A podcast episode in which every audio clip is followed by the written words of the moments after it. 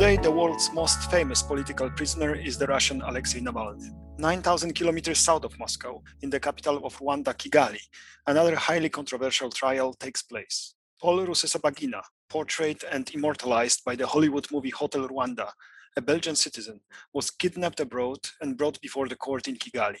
During the 1994 genocide, Rusesabagina saved more than 1,000 lives. Currently, he is facing charges of inciting terrorist acts directed against the regime of Rwandan President Paul Kagame. The international awareness and support for Rusesabagina have been growing.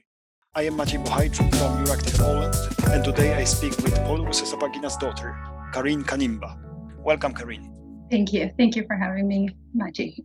The famous movie Hotel Rwanda ends with two young girls portraying you and your sister leaving a Tutsi refugee camp together with Paul and Tatiana Rusesabagina what happened with your new family and what happened with Rwanda after the genocide ended. So, as you see at the end of the film, um, both my sister and I were adopted by Paul and Tatiana um, whose story is portrayed in the movie Hotel Rwanda. Both our biological parents were, were killed during the genocide um, because they were Tutsis. And so we were very lucky to have survived. And we're even more lucky to have been able to, to find our, our family again, our, our new parents who adopted adopted us and um, and raised us as their own children.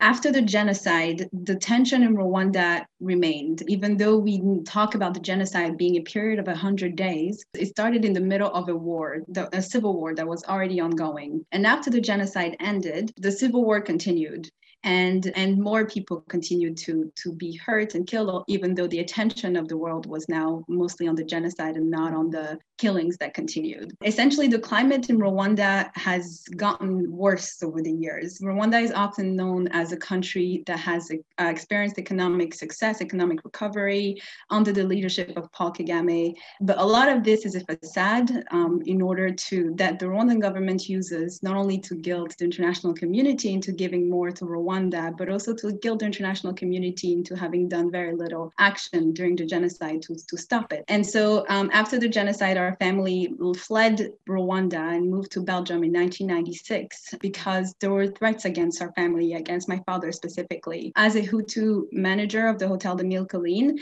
he was being targeted by the current regime, the current RPF regime, because he was a symbol of unity among Hutus and Tutsis, because he's a Hutu man who saved Tutsis. Um, and they saw him as a threat, as a potential threat to their hold on to power. And so there, there was a lot of fears and some assassination attempts in Rwanda. And that led our family to seek refuge and as political asylum here in Belgium. Um, so the eight of us, so the, my parents and their four children, and the two of us, the two newly adopted daughters, moved to Belgium. And uh, we lived, we tried to live a normal life. I mean, I went to dance classes in third grade, and my dad would take us to football practice with my brothers. And so we tried to really move forward from the atrocities of the genocide and, and have a normal life. Um, However, my father's bravery during the genocide had been known. People had found out about it. And in 2004, the Hotel Rwanda, the movie was released after the producers and the, the, the directors learned about the story, did hundreds of hours of research and interviews in order to portray it to the world, not only to teach about the genocide, but to ensure that it never happens again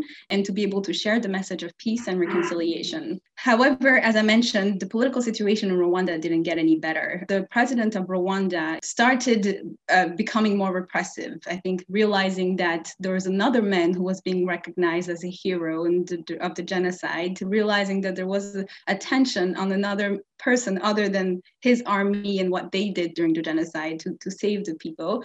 That made him very angry. So upon the release of Hotel Rwanda, they first loved the praised movie, the president of Rwanda and the government praised Hotel Rwanda.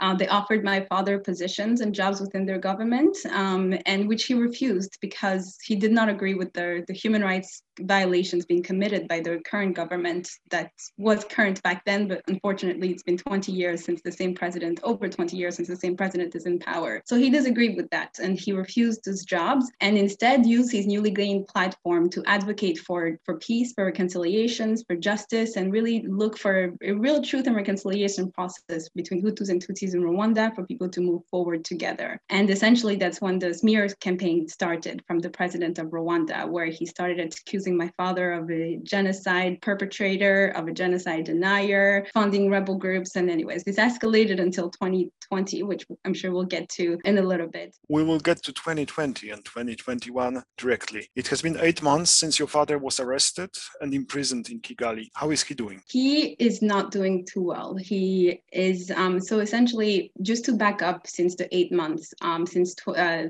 August of 2020, um, my father was kidnapped while on a trip in Dubai. He was traveling through Dubai to go to Burundi. Um, he was on a, got onto a private plane that was supposed to take him to Burundi, but the private plane ended up taking him to Rwanda, where he was held, tied up by the hands, the legs, the eyes, covered the eyes, the mouth, and held in what he describes as a as what we know now to be a torture house, and held there for three days without food, without water, with completely tied up. We lost contact with him at that moment, and we lost contact with him on the 27th of August. But we knew that something wasn't right because he usually communicates when while he travels. He's ever since after arriving in Rwanda, he's been accused now of terrorism, and the charges are very grave, are very uh, severe. But I, it's important to also get back to the history in order to understand why these charges came to be. And essentially, as I mentioned, after the movie Hotel Rwanda was released, the president offered jobs to my father, which he refused. And my father instead used his platform to advocate for peace and reconciliation and also expose the human rights abuses being committed by the, the Rwandan government. They then used, saw this and were angry at it, especially the president, and started accusing him of false charges. They, as I said, they accused him to be a genocide genocide perpetrator, even though he obviously did the opposite during the genocide. He saved people and he saved Uh, over 1,200 people in the Hotel de Mille Collines. And then they accused him of being a genocide denier, which is also false because he made a movie about the genocide, he saved people during the genocide, and he adopted my sister and I, who are both victims of the genocide as well. And then they accused him of funding rebel groups. This was in 2010. The rebel groups, and this is another crazy charge because they say that he had transferred money from our home in Texas to the Congo, but on the, the falsification of those transfer receipts, those Western Union transfer receipts, they made a mistake and said that he had sent it from Texas to, to the Congo when actually he was in Ireland giving speeches to human rights on human rights to students at a university. And so these are charges. This is a continuation of false charges. And so they've tried this over and over again. They brought these charges to the US, to the American authorities. They brought these charges to the Belgian authorities who led thorough investigations and found absolutely nothing to arrest him with because they knew that these were being trumped up. They were made up by the, the dictatorship. And so because none of this worked out, because all of these demands to for other countries to arrest him who did not do it because of it was were inventions. Um, they had to kidnap him. So this led us to August 2020 when he was traveling to Burundi and on his way through Dubai to Burundi, and um, he was kidnapped, taken to Rwanda, and then they, they announced the Rwandan government announced that he had been arrested through international cooperation, that there was an, an international arrest warrant for his arrest, and that he was guilty. And President Kagame went on national television and said he was guilty of all these crimes. So this eliminates all everything everything from fair trial to legal extradition to legal arrest. I mean, he was kidnapped, tortured, and locked up essentially. Um, now it's been now almost eight months that he's in Rwanda, and we've done everything possible. Our family ha- have not slept much this past eight months because day and night we spend talking to politicians, talking to human rights organizations, talking to the media, and only to keep everybody in the loop about what is happening in Rwanda. And it's it's only been worse since he's arrived media reported about medication being withheld from your father, communication between him and his lawyers being intercepted by the prison administration, and other cases of intimidation. So, has the situation improved at all? Not, it has not. And that is what's surprising to us. And that is why we actually need to continue to, to ring all the bells because our father's life is in danger. We know that this government has tried to assassinate him over the years. They've broken into our home here in Belgium. They've tried to harass him at events, conferences. And so we know that they do not want anything good, anything fair for him. If they had the opportunity to kill him before, they would have. Ever since we've put all of these things out in the public and hoping for intervention, hoping for people to stop this and to, uh, to tell Paul Kagame to let him go because he was arrested illegally, the charges are made up, and he's being denied of all his human human right. That includes his rights to his chosen lawyers. As in uh, the rights, his rights to defense means that he has the right to choose his lawyers to be represented by the lawyer of his choice. They have denied him this right. They have made it impossible for him to even access the case file of the charges that are against him. So he doesn't even know everything that they're accusing him of, especially even more so because it's all made up. And then forbidding him of his medication. And we think that this is a way that they're trying to induce a natural death to later say that he died of natural causes because XYZ, when we know very well that they're the ones who withheld his medication. We sent him medication through the Belgian uh, diplomatic suitcase delivered to the prison, and the prison authorities just decided not to give it to him and instead are giving him some other medication that is not helping his his health that is not helping his hypertension. And he constantly tells us when we have the opportunity to speak with him that he is not well physically and that he is afraid of having a stroke of dying from a stroke because of the lack of his medication. And when was the last time you got to speak to your father? So we speak with him every friday but for only 5 minutes and in those phone calls, they are monitored. So we can sense that he's not speaking freely. He's got usually prison authorities standing behind him.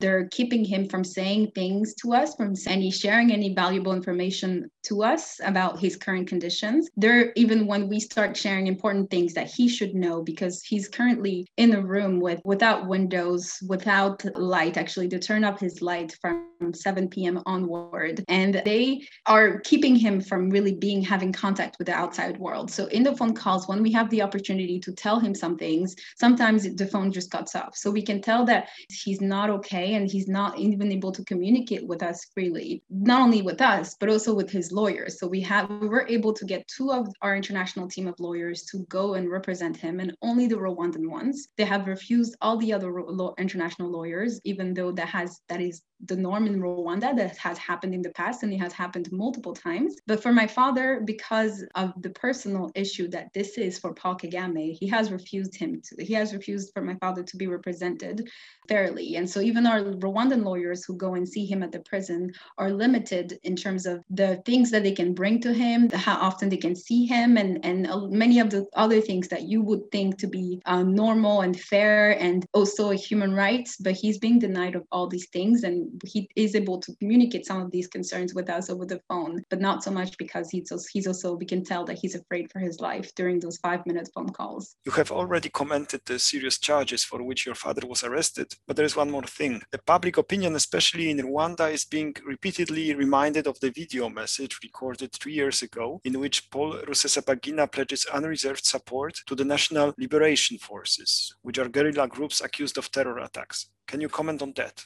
Yeah, so my father, um, in that there is really one thing that they're holding against him, and it's just a, a video that he shared in 2018 at the end of the year, um, asking people to stand up for their rights and asking people, telling people that, telling Rwandans that the dictatorship of Rwanda had done enough to them and that they needed to stand up for their human rights. He does uh, say that he supports the FLN, but this is open to interpretation, and it doesn't mean that he committed terrorism. It doesn't believe mean that he funded terrorism. It doesn't mean that he's asked anyone to go and kill anyone. So the fact is, they're only using this video because this is the only thing that they have against him. That they can say, look, this man is is is guilty because he said this on this video. It's not true. My father has been a man of peace, has been advocating, and if you look at his 20 years of, of, of rhetoric, of speeches that he's done around the world, he's talked about peace, reconciliation, human rights, and encouraging students around the world to stand up for their rights. And so the Rwandan government has spread this video over and over again because they think that this is the only way to justify kidnapping him, torturing him, and locking him up because frankly, they have absolutely nothing against him. And just to talk a bit, a bit more about what you said about Rwanda and the media and the way things are being presented in the media in Rwanda. As we know, Rwanda is, is a dictatorship and there is no freedom of press. The main news that is coming out of the of Rwanda is state-owned newspapers like the New Time or another one called Igihe or another one called Taarifa. These are the the ones that constantly spread lies around against my father. They have no choice. In Rwanda, if you support my father, you're essentially going against the dictator, the same dictator that is had no problem paying for a private jet to kidnap a humanitarian. And so that means that they're essentially trying to send a message that if they can get to my father, who's a well-known human human rights figure, they can get to anyone. And so in the media and what we hear coming from Rwanda and, and what they're they're spreading, they're spreading essentially what the president Paul Kagame wants them to do, because if they did the opposite, they risk being in the same position as my father. I understand that you don't expect much from the Rwandan judiciary, so please tell us what do you expect from the international community, especially from the European Union? Yeah, so I, I think first we've seen in 1994 in Rwanda what the lack of um, acknowledgement of atrocities can do. We've seen that by closing their eyes and by not willing to call it a genocide at a moment that it was clearly a genocide, led to even more hundreds of millions of people being killed during the genocide and after. And so we've known the importance of intervention when when something as as drastic as human rights violations are happening, the importance of having to speak up, to stand up and stand up for, for justice, for human rights and and for, for peace. And so far we hope that that um, the international community will also react and will ask Paul Kagame to release him. The US Congress sent a letter to Paul Kagame, a bipartisan letter, and this is very rare for the US in the US Republicans and Democrats to all agree by on, on one thing. Um, but they sent a very strong letter to Paul Kagame asking him to to release my father immediately. They condemned the way he was kidnapped. They called into question the relationship between the Rwanda and the US that are at risk. And as well as the European Union in in um, in February, the European Union condemned collectively condemned Rwanda for kidnapping my father, for holding him incommunicado and for and for violating his rights to to to fair to a fair trial, to being treated humanely, and as well as where just last week the Spanish Parliament, Islands, also voted adopted unanimously a resolution condemning Rwanda and asking for my father's immediate release. What we need from the international community is for people to come together, to come together and put pressure on Paul Kagame on Rwanda and let him know that it's is actually hurting his rep- the reputation of Rwanda. It's becoming more costly to hold my father than to to let him go because they have violated the, all the international treaties for which they are signatories to. Apart from the Balearic Parliament, were you able to reach any EU institutions or any EU figureheads? Yeah, so we, I mean, through the resolution that was adopted in, in the European Parliament in February, we've been able to talk to a lot of many MEPs. We've been able, we've been talking to many uh, human rights organizations like Human Rights Without Borders, Human Rights Watch, Prisoners of Conscience, but also we hope that through this resolution in the Balearic Islands, other governments and other parliaments as well will independently create their own resolution asking for my father's immediate release. And what we hope is that not only they will continue to put pressure on Rwanda to let him go, but also that they will impose economic sanctions. I think Rwanda has was also condemned during the Universal Periodic Review earlier this January for all the human rights violations. So it's not new to the international community. It's not new to Europe and to Belgium, as a matter of fact, that Rwanda is a country, is a dictatorship. It's not new that Rwanda kills and silences critics, journalists, politicians, dissidents, anyone who opposes, who dares to criticize Paul Kagame, who dares to show a different perspective or bring a different idea than Paul Kagame is immediately killed, kidnapped, jailed, or disappeared. These are known facts. For the past 20 years, my father has been spending all his time trying to tell all these institutions, all these governments, all these politicians, all these organizations about the human rights violations going on in Rwanda. So it's unfortunate that he too had to be a victim of this for him, for the world to realize, to open their eyes and see that they've been supporting a violent dictator. But also, I hope that this will serve as an example for everyone else to also stand up and stop funding and supporting a, a regime like the one of Paul Kagame. So, after eight months of your fight, do you notice a shift in international media reporting? Absolutely, and and frankly, a lot of people, if you look at the media eight months ago, when or if you talk to people journalists in general, I used to speak when Dad was first kidnapped. I would speak with journalists, and I would tell them about Rwanda, and they'd say, "But wait, I thought that it was the economic success and things, everything is perfect, and there's no uh, hate between Hutus and Tutsis. Everyone is uh, happy," and it was just not true. And so now, when I bring bring up Rwanda, when I bring up Paul Kagame, when I bring up my father, people know immediately what is happening. They know the true colors and the true face of Rwanda. And so I think um, this is because not only my father's case, but all the other, it's my father's case was, I think, the extra drop that made it overflow. And I think we're hearing more and more people becoming brave, even Rwandans in Rwanda, which before eight months ago, it was almost impossible for people in Rwanda to, to openly speak up against the dictatorship. But we're seeing a shift, and this is all because of this of this kidnapping violation of international law that has brought the attention on Rwanda and on the crimes of the current government of Rwanda. And this leads me to the last question. Not only your father, but also you have a powerful personal story. And with this story, you make a strong case for speaking up as the necessary step towards healing, connecting, and eventually finding peace. How close or how far is Rwanda from peace 27 years after the genocide? So the problem with with um, with the way the Rwandan government has led this idea of reconciliation is that they have made it impossible to talk about the the, the the past in a way that is objective, independent, and neutral. The current Rwandan government, for instance, when we talk about the genocide, they insist that we talk about the genocide against the Tutsi. Yet, by doing so, you're ignoring the fact that during the genocide, hundreds of other non Tutsis were killed, Hutus, innocent Hutus were killed, Belgians were killed, French people were killed, Spanish people were killed. So you're saying that this is genocide that happened in Rwanda, but you're ignoring the fact that so many other people deserve to be mourned and deserve to be remembered as well. And and so when in Rwanda today, a Hutu person says, well, I lost a family member during the genocide, they're immediately called a genocide denier, a negationist, they're locked up and so on. And so the fact is, without being able to have a conversation, a real conversation about what happened, without being able to set the record straight about history and what happened in that period,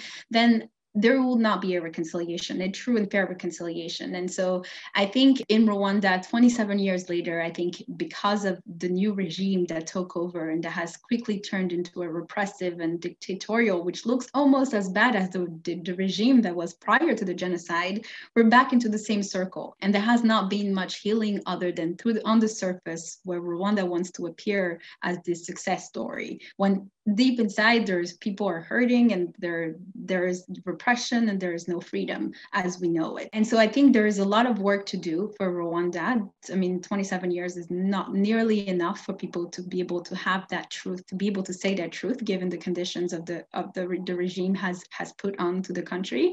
And uh, and i hope and i think part of what you said about my personal story is important because when the um, my father, my biological parents were both killed during the genocide. They were both Tutsis. I was raised by a Hutu man. And for me, I grew up not seeing any, I mean, yes, there is the past and we have to hold those responsible for the genocide accountable. But I grew up having um, understanding that we are all human, that we are all equal, and that we all deserve to be to be mourned, respected, and deserve a healing and a healing process. Our healing process needs to be respected too. So I think Rwanda has a long way to go for this to for, for true reconciliation. But at the same time, I just hope that more and more as the, the, the country continues to open up and allow space for conversation, allow space for political participation, and allow space for journalists to really write the truth and tell the truth, then we'll need all of this to be in place in order for, for reconciliation and for Rwanda to be a happier place. Thank you for this clear statement and thank you for speaking to us. Thank you. Thank you for listening. This was the European Podcast. You can access more episodes on the Euractiv website, Spotify, SoundCloud, Apple Podcasts, and Google.